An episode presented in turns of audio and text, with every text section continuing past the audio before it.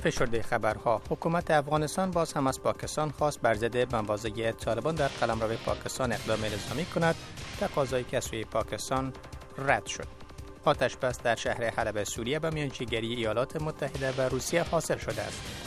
جنگ بین نیروهای حکومتی و شورشیان از ختم ماه اپریل به این سو در شهر حلب منجر به کشته شدن 280 غیر نظامی شده است. وزارت خارجه ایالات متحده چهارشنبه گفت که وضع آتش بس در حلب و ساحات اطراف آن اندکی بعد از نیمه شب چهارشنبه به وقت محل نافذ شده است.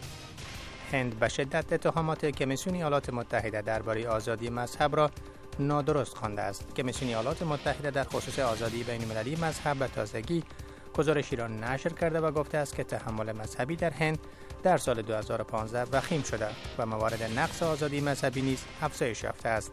وزارت خارجه هند گفت که به این گزارش توجهی نمی کند زیرا در نشان دادن درک درسته از هند جامعه آن و قانون اساسی آن این گزارش ناکام بوده است. این کمیسیون گزارش داده است که جامعه اقلیت هند به ویژه مسیحیان مسلمانان و سیک ها شاهد حوادث متعدد ارعاب آزار و خشونت از سوی گروه های ملیگرای هند بوده است. معاون قماندانی سپاه انقلاب ایران گفته است که نیروهای مسلح ایرانی تنگه استراتژیک هرمز را بر روی ایالات متحده و متحدین آن در صورتی مسدود خواهد کرد که آن کشورها تهدیدی را بر جمهوری اسلامی معروض کند. حدود یک بر تمام نفت تجارتی از مسیر بحری از این باریکه عبور می کند.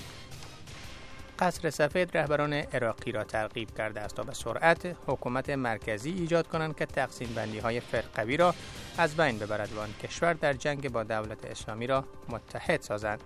هشدار واشنگتن از نابسامانی فزاینده سیاسی در بغداد بعد از آن نشر شده که معترضین ضد حکومتی بر ساحه امن ادارات دولتی و بین المللی در پایتخت هجوم بردند و ساختمان پارلمان عراق را هفته گذشته تسخیر کرده خواستار پایان دادن به مشاجره سیاسی و فساد اداری شدند.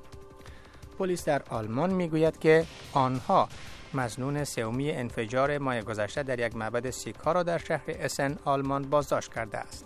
پلیس گفت که این مرد مزنون در اسن شام چهارشنبه توقیف شده اما پلیس جزئیات بیشتری ارائه نکرده است.